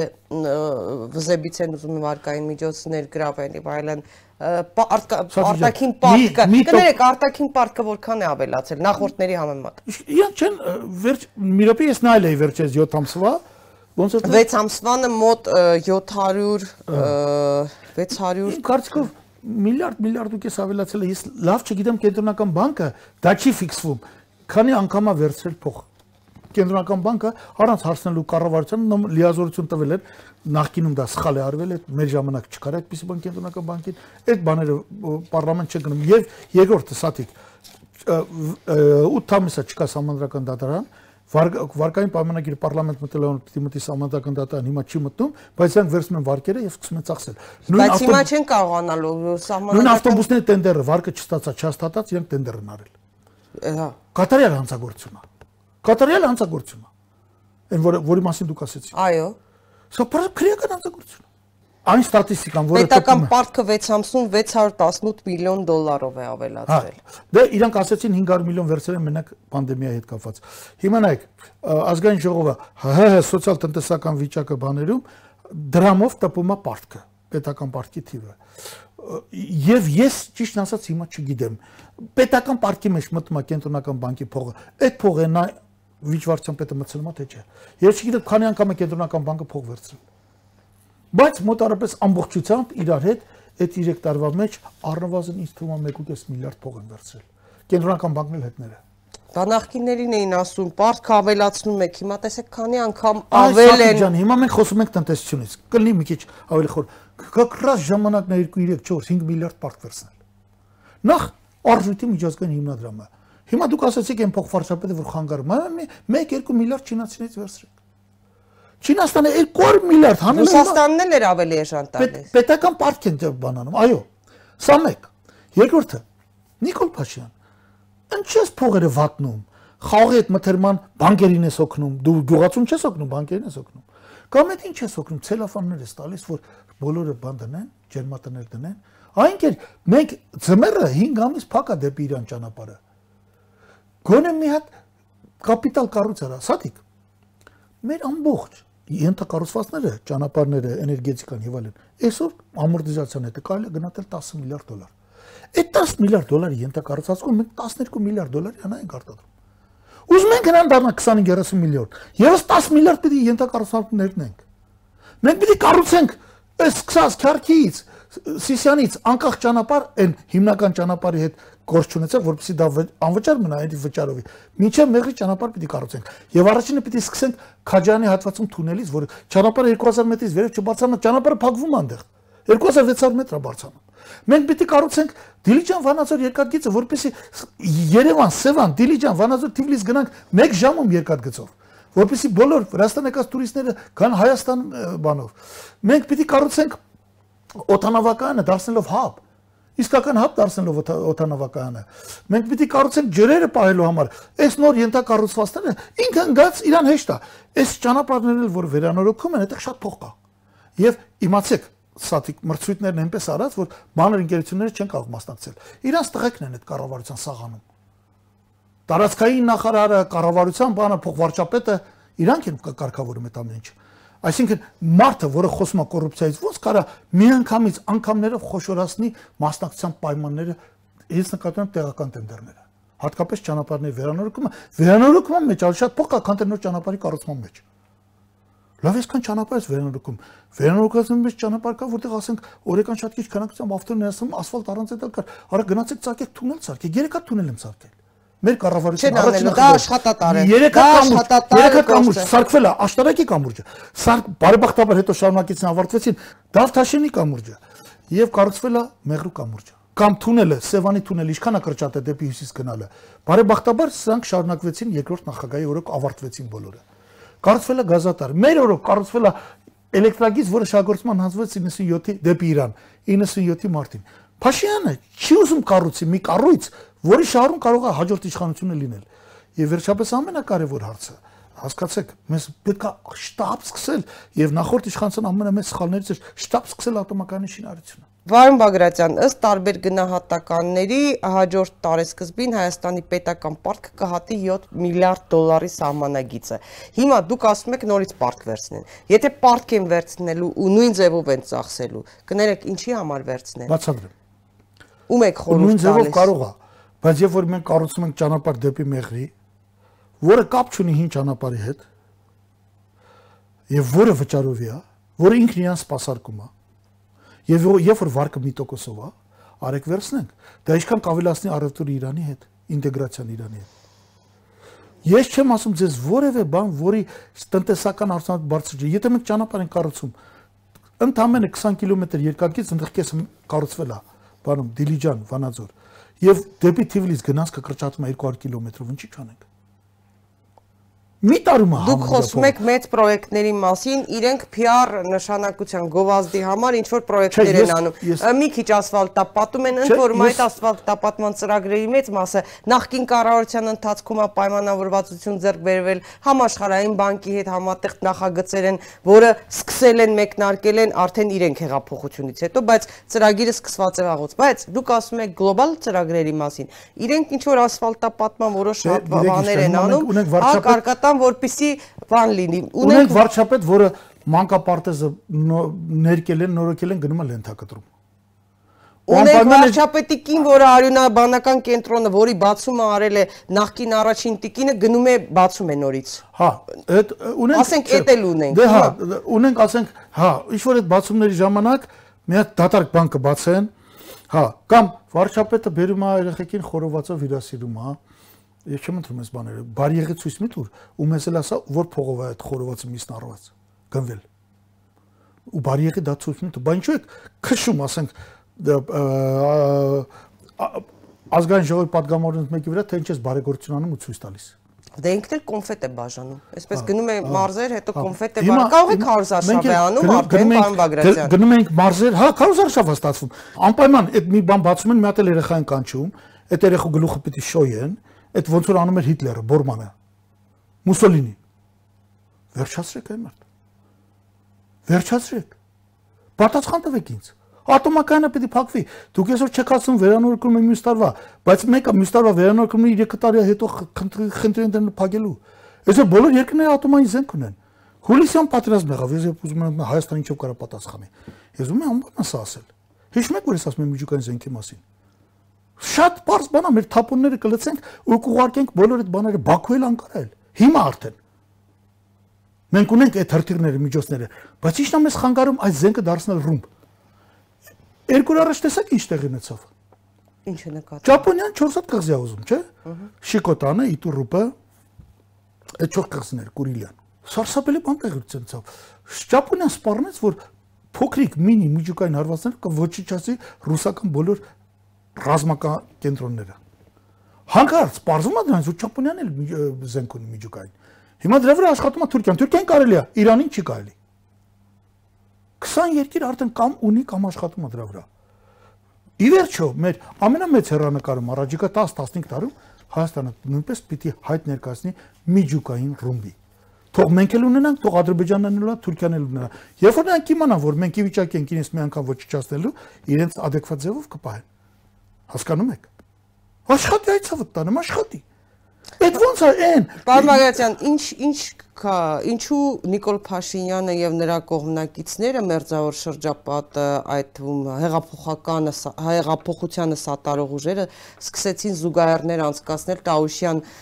երկու օրյա դեպքերի եւ ապրիլյանի միջև։ Ինչու են ուզում հիմա այդ հանձնաժողովով նսեմացնել ապրիլյան պատերազմի ձեռքբերումները հաջողությունները։ Ես կարծում եմ Նիկոլ Փաշյանը ամենիշն է ուզում նսեմացնել Նիկոլ Փաշյանը իմ կարծիքով ինքը այնց է իրան պահում, որից թվում է իր ամենամեծ ճշնամին, ամենամեծ հա- հակառակորդը Մեսրոպ Մաշտոցն է։ Շատ աճղանանում է, ինչի է կար տարերը ստեղծել, կստեղծեի էլի։ Այդ մեծ բանը գիտեք, դա անպարտավան կեցվածք է։ Ապրիլյան պատերազմի արդյունքներով պետք է պարտանալ, մենք հաղթել ենք։ Հաղթել ենք, որովհետև թշնամին իր իրանը չի կատարել։ Եւ ապրիլյանը պատերազմ էր Տավուշում էլ բրավո մեր զինված ուժերին, բայց դա միջադեպ էր։ Բա ինչ կապ ուներ Տավուշյանի հետ Նիկոլ Փաշինյանը, որ անվտանգության խորհրդի քարտուղարներն ասեց անձամբ էր ղեկավարում, այն դեպքում երբ որ կառավարության նիստում Տոնոյանին հարցնում է պաշտպանության նախարարին ասում է կարող է այդ մեքենան, հա, մոլորվել էին։ Ուրեմն ես գտնում եմ, որ այդ հաջողությունը, օրինակ, այս հուլիսի հաջողությունը, այո, Նիկոլ Փաշյանի հետ կապված է, որովհետև ո՞նց ղեկավար։ Խի, առաջի բանի Բայց ինքը հարցնում է 90-ականների պատերազմի հաղթանակը Լևոն Տեր-Պետրոսյանի կամ Հրանտ Բագրատյանի հետ կապված չէ, որոնք ղեկավարել են կառավարությունը։ Բնականաբար։ Կապված են։ Այս տրադիցիան եկեք թարգտանք։ Ну, Քոչարյանի օրոք, Քոչարյանն այն ժամանակ պատերազմի մասնակցել է որպես Ղարաբաղի կողմ, իր օրոք պատերազմ չի եղել, ապրիլյան պատերազմի առաջի եւ հիմնական բանը հասցեն Սերժ Սարգսյանն է։ Եվ մենք իմիջիալից մենք հաղթել ենք այդտեղ։ Նախ թշնամին տվեց մի քանի անգամ ավելի զոհ։ Ես եղել եմ այդտեղ հասկանում եք։ Հիմա չգիտեմ, իրանք դնում են, քննում են։ Ես ասում եմ, այսօր վաղ որ քննություն արվի Մաշտոցի գործը, Մեսրոպ Մաշտոցի, ես չեմ զարմանա։ Այդ ամբարտավանությունը իրանց ուտում է։ Միջդեռ այս 2.5 տարվա փորձը ցույց տվեց, որ պետական աշխատանքին պետական աշխատանքին չհարմարեցված եւ անընդունակ մարդիկ են, որոնք ի վիճակի չեն տարբերելու կարևորը անկարևորից հարցը խնդրից, խնդրից հասկանում եք, սա մեծ աղետ է։ Ինչքան իրանք երկար մնան, այդքան հայ ժողովուրդը կորցնում է։ Ես նորից եմ նշում իմ խոսակցության ընթացքում լավ բաներ մի երկու հատ նշեցի, ասենք Սիրիան, ընդհանրեն չգիտեմ, ասի իրաց ճիշտ բային բան, բայց ընդհանուր առմամբ Հայաստանը հետադիմում է։ Ուր եղավ Նիկոլ Փաշյանի այն բանը, որ մենք Վրաստանի, Ադրբեջանի պիտի ասենք, ուր է։ Կարող ասեք պանդեմիա է, բա որ մենք ասում ենք մեր վաղ ավելի ուժեղ պանդեմիա էր։ Սովետը քայքայվել էր 5-6 տարի ամեն ինչ բաներ փագեր։ Նիկոլ Փաշինյանը կառուցող տեսակ է։ Չէ, չէ։ Կառուցելու համար մարդը պետք է լինի բարի։ Մարդը պետք է ունենա բարձր գրագիտություն եւ կրթություն։ Մարդը պետք է ունենա պատկերական տեսլական։ Նիկոլ Փաշինյանը հակատիպ է։ Այ հակա մեկին խոսա, մեկ մի սխալանի հարցակվի խոսա, բայց ինքը եթե 10 սխալանի, բան չանի։ Նիկոլ Փաշինյանը չեմ կարծում, որ կարող է եւ պետք է շարունակի կառավարել։ Միգուցե արևմուտքը իդեպ զգում է դա եւ փորձում է պլան B առաջ քաշել իդեպ իդեալական տեխնացուն Նիկոլն է, որի ժամանակ Հայաստան չի զարգանա։ Բայց հիմա հասկանում է, որ դժգոհությունները մեծանում են օր-օրի, խոստումները չեն կատարում եւ միացյալ միացյալ նահանգների դեսպան իդեպ ամիսներ առաջ մեծ գովասանքով խոսեց իշխանությունների գործողությունների մասին աչք են փակում ամեն ինչի վրա չտեսնելու են տալիս, լրագրողների դեմ հարձակում լինի, հասարակության տարբեր խմբերի կոռուպցիան, որ մամուլը ամեն օր անդրադառնում է կոռուպցիոն մի քանի դեպքերի, հա, ցայն չեն հանում ինչ խնդիր են ուզում, ինչ սпасելիք ունեն իրենք Նիկոլ Փաշինյանից եւ երբ, այսպես ասած, իրենց բաժակը կլծվի, հա, երբ չեն հանդուրժի, երբ կսկսեն նկատել, որ այս իշխանությունները կարծես թե դեմոկրատիան օգտագործում են, իմիտացիա է դեմոկրատիան, ինչ խնդիրներ են լուծում։ Նախ ես չեմ կարծում, որ արևմուտքը դեմոկրատիայի խնդիր ունի Հայաստանում։ Արևմուտքը թքած ունի դեմոկրատիայի վրա, մարդու իրավունքների վրա Հայաստանում։ Այդ են արևմուտքը չի ինչ որ կար 20-րդ դարի վերջին։ Այդ են արևմուտքն որը գլոբալ տնտեսական, սոցիալական, ռազմական, քաղաքական մրցակցության մեջ սկսել է զիջել, ասենք Չինաստանի նման պետությանը, ու չգիտի ինչ անի ու չի կարողանում բացատրել այդ ոնց ոչ դեմոկրատական իրենց խոսքով ասած Չինաստանը այսօր գրանցում է նման հաջող։ Լավ, ինչ խնդիր են դրել Նիկոլ Փաշինյանի վրա, ինչ են ուզում լուծել Նիկոլ Փաշինյանով այստեղ, փոկել Ռուսաստանից, մեկ, երկրորդ։ Այո, փոկել, վնասել Ռուսաստանին, վնասել Ռուսաստանին եւ վերջապես հասնել որ Հայաստանը չզարգանա։ Ինչ է զարգանում։ Ինչ է զարգանում ջերմոցներ, Լավ, եթե դժգոհությունները դժգոհությունները հասունացան։ Այդ դեսպանը գնացել է ջերմոց, նայում են Մալենան, տեսա արդյունքը։ Այսինքն Հայաստանը պիտի Մալին արտադրի։ Վրաստանը ինչ արտադրեց։ Վրաստանը Բայց մի իհարկե, ան Նիկոլ Փաշինյանը օրեր առաջ գրել է տնտեսական ճգնաժամի ֆոնին կ ូវ իդով պայմանավորված ինքն է գրել իր խոսքերն է մեջբերում։ Լավ լուրեր է հաղորդել, մեծ ուրախությամբ հա գրում է, որ 20 թվականի հունվար հուլիսին Հայաստանից ելակ մոշ հաղարճ ապրանքախմբի արտահանումը աճել է 166%-ով, արտահանվել է 5.5 միլիոն դոլարի արտադրանք սունկ դթմիկ սպանախի ապրանքախմբի արտահանումը աճել է 62%, արտահանվել է օրինակ 3.2 միլիոն դոլարի դթմիկ սունկ եւ սպանախ, լավ լուր։ Լոլիկի արտադրանքը շարունակում է մնալ ամենաարտահանելի ապրանքներից մեկը ջերմոցային լոլիկի մասին է խոսքը։ Ծավալն աճել է 18.5%-ով։ Դուք ասում եք Ամերիկայի Միացյալ Նահանգները մալինաներն են, մոշներն են գուցե 18 կիլո անցյալ տարի արտահանվի հիմա 30 կիլո։ Հայաստանի էքսպորտը էնել ընթացիկ գներով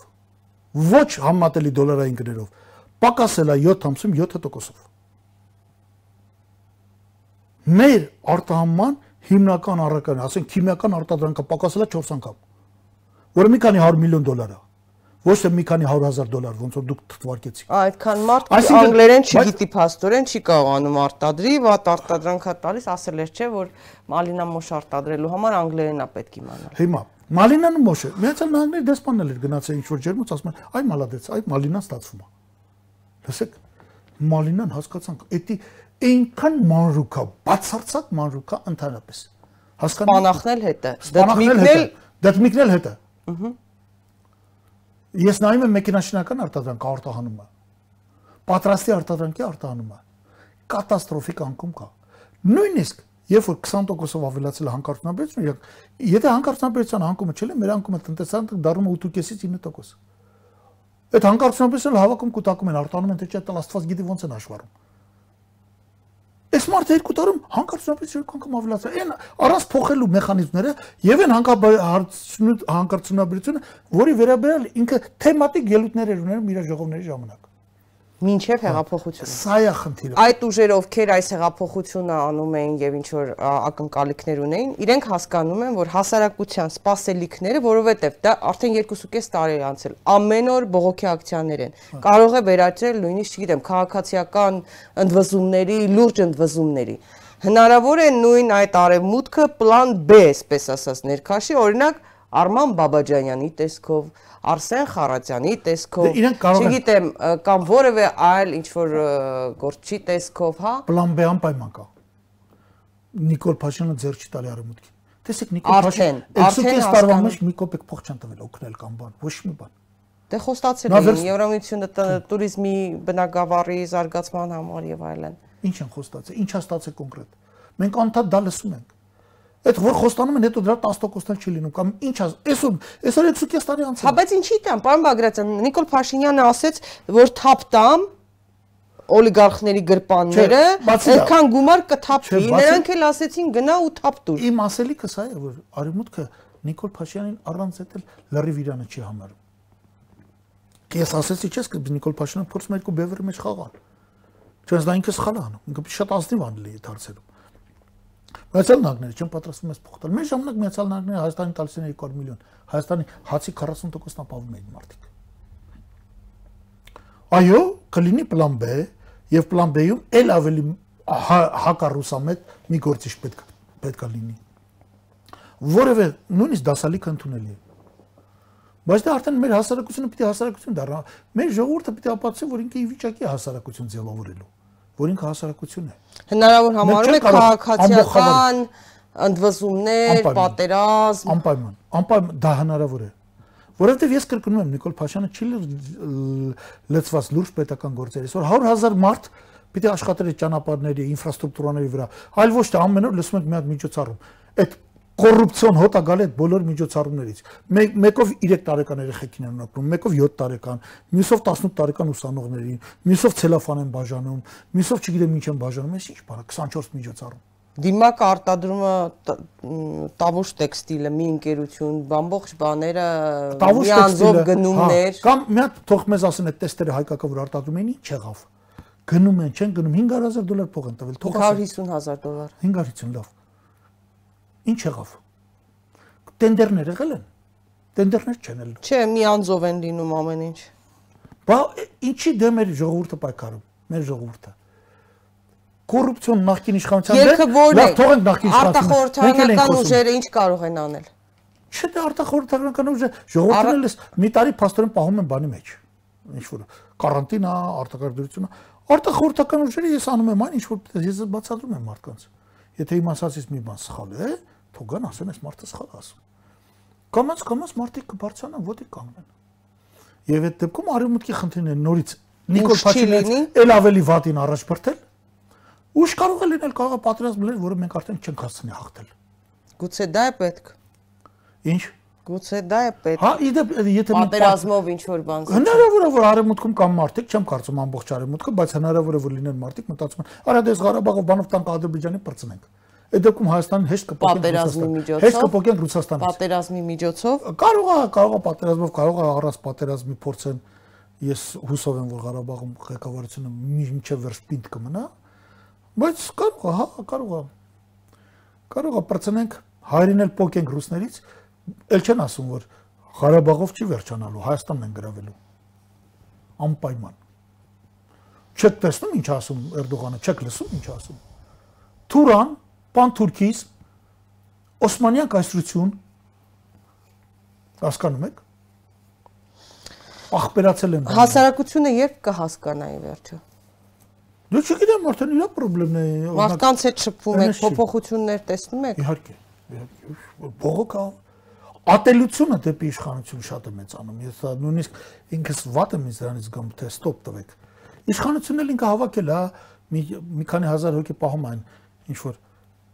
կապերի բաժին ունի, ինչ հասարակական կապերի, դա այդ ֆեյքերը որ ֆեյքեր են գրում, հա, ասենք հիմա իրիկուն անցի կգրեն, կգրեն սես բանկ ասեն, հա, մալբորը ո՞նց էր ծխում։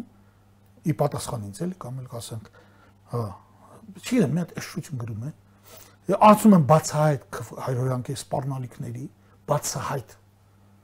Հասկանում եք, ես այս երկրում կռվել եմ, աշխատել եմ, պետությունը իմ ժամանակ տնտեսական շահ ունեցել, էլեկտրաէներգիա չկար տվել են, պատերազմ եմ հաղթելի վերջո, պատերազմ հաղթած վարչապետը ես եմ եղել։ Կներեք, սա մեծամասնություն չի, չեմ ասում նախագահ չեղել, մյուսը չեղել, զինվոր չեղել, կամ չգիտեմ կռվող չեղել։ Էսա, ինձ ասում են, մենք քեզի էս կանենք, իմ կանենք, իհարկե արհամարում ենք, չենք պատասխանում մեր պայքարը միջև վերջ կտանենք։ Ես կարծում եմ, որ պիտի հեռանա։ Ճիշտ կլինի, որ հեռանա։ Փորձը ցույց տվեց, որ նա ի վիճակի չի կառավարելու արդյունավետ ձևով կառավարելու երկիրը։ Մնացածը ինքը գիտի, կեռանա, կեռանա, չի հեռանա, թող չհեռանա։ Շնորհակալ եմ պարոն Բագրատյան, հետաքրքիր զրույցի համար։ Հարգելի ռոստադիտող, իմ հյուրն էր Հայաստանի Հանրապետության նախկին վարչապետ Հրանտ Բագրատյանը։ Կհանդիպենք վաղը։ Բարի գիշեր։